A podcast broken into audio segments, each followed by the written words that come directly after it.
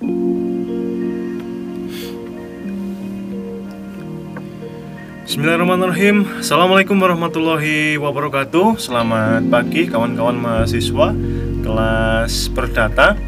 Pada kesempatan ini saya akan eh, menjelaskan terkait dengan materi pertemuan ketiga hukum perdata yaitu pengertian, sumber, dan sistematika hukum perdata Nah, langsung saja kawan-kawan uh, Pertama-tama, jadi seperti yang saya bilang kemarin bahwa teman-teman harus memiliki uh, yang namanya BW atau Burgerlich Wetbook Kitab Undang-Undang Hukum Perdata ya KUH Perdata. Nah, kalau punya saya ini karangannya Profesor Subekti ya. Dan ini covernya covernya sebenarnya nggak nggak seperti ini karena keseringan saya pakai sehingga brodol dulu ya waktu masih kuliah satu. Makanya saya ganti covernya dengan hard cover ini. Oke. Kemudian uh, nanti atau mungkin minggu depan di pertemuan keempat akan saya ajak teman-teman untuk kuliah uh, live melalui Google Meet seperti itu ya kita langsung masuk ke materinya Yang pertama, materi kita berjudul Pengertian Sumber dan Sistematika Hukum Perdata oleh saya sendiri Muhammad Fajar Siddiq Widodo. Nah, kemudian di sini ada daftar isi nanti akan kita bahas itu ada pengertian, sumber, dan sistematika. Nah, itu ada tugasnya nanti tugasnya ada sendiri sudah saya upload di Google Classroom Nah, pengertian hukum perdata. Di sini saya mengutip tiga pendapat ahli yang saya rasa cukup mewakili uh, pengertian dari hukum perdata. Yang pertama adalah Profesor Subekti Sarjana Hukum. Hukum perdata dalam arti yang luas meliputi semua hukum privat material yaitu segala hukum pokok yang mengatur kepentingan-kepentingan perseorangan. Kemudian yang kedua, pengertian hukum perdata menurut Profesor Dr. Sudikno Mertokusumo Sarjana Hukum.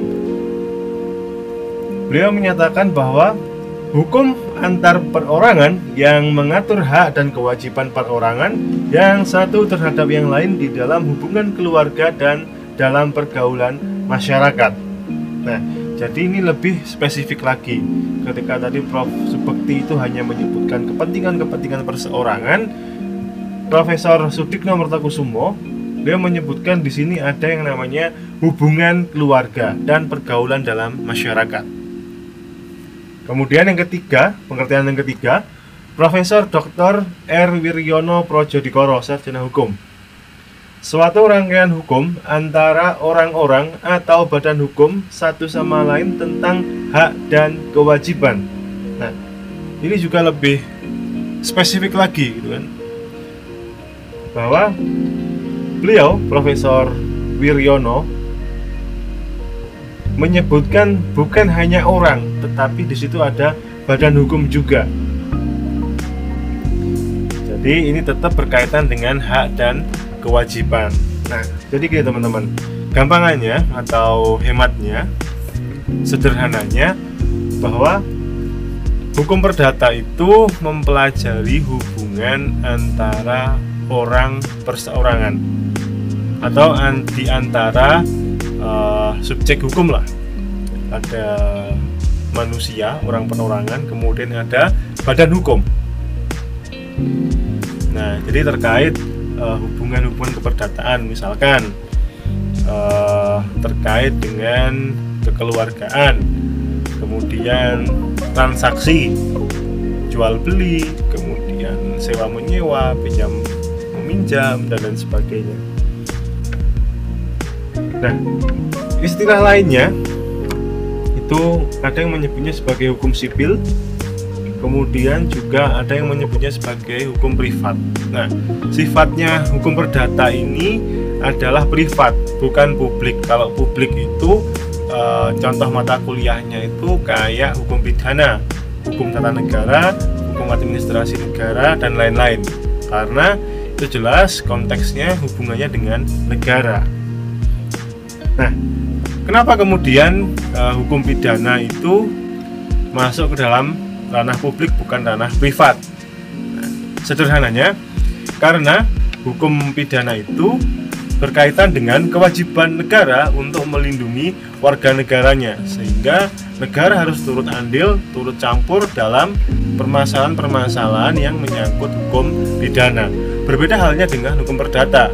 Pengertian hukum perdata kemudian ada lagi terbagi menjadi dua, secara luas dan secara sempit.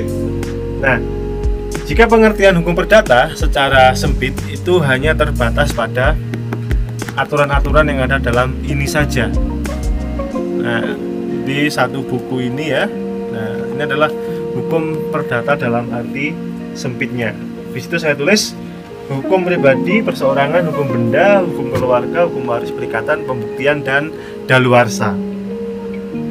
Kemudian pengertian hukum perdata dalam artian luas Segala aturan yang terdapat dalam KUH Perdata, Kitab Undang-Undang Hukum Dagang, Hukum Agraria, Hukum Adat, Hukum Islam, Hukum Perburuan, Hukum Jaminan, dan lain-lain. Nah, kawan-kawan, jadi kalau dalam artian luas, hukum perdata itu tidak hanya ini saja.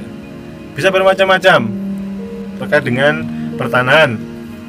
Yang ada di sini itu tidak akan tidak berlaku lagi karena sudah ada undang-undang pokok agraria. Kemudian terkait dengan e, jaminan Nah, makanya teman-teman ketika belajar dengan e, BW ini, teman-teman harus uh, melihat apakah aturan itu masih berlaku atau tidak, seperti itu. Oh ya, hukum adat, kemudian hukum Islam itu juga masuk dalam pengertian hukum perdata dalam artian luas. Materi sumber hukum itu sudah saya jelaskan di dalam video tersendiri yang sudah saya upload sebelumnya. Nanti kalau linknya belum apa namanya saya upload teman-teman bisa uh, klik linknya di atas ini di atas nah ya di atas lah. Di situ saya menjelaskan bahwa sumber hukum itu ya tentu ada sumber hukum formil ada sumber hukum material. Nah sumber hukum formil yaitu terbagi menjadi beberapa yang pertama adalah peraturan perundang-undangan jurisprudensi, traktat, konvensi, kebiasaan, dan doktrin. Terkait dengan doktrin, kawan-kawan, nah, seperti contohnya, ya ini, saya mengambil pengertian hukum perdata dari para ahli.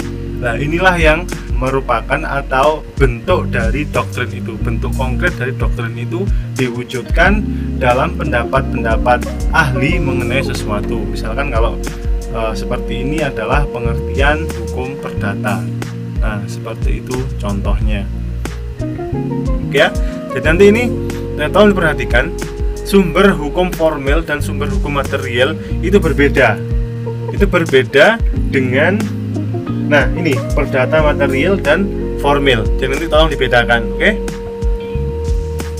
Nah, di sini saya mengambil salah satu pasal, ya, salah satu pasal yang mana uh, ini adalah pasal 1321 BW yang menyebutkan bahwa tiada kata sepakat yang sah apabila sepakat itu diberikan karena kekhilafan atau diperolehnya dengan paksaan atau penipuan.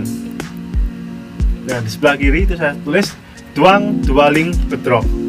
Nah, itu artinya kalau duang itu adalah paksaan, dualing itu adalah kekhilafan, bedrock itu adalah penipuan.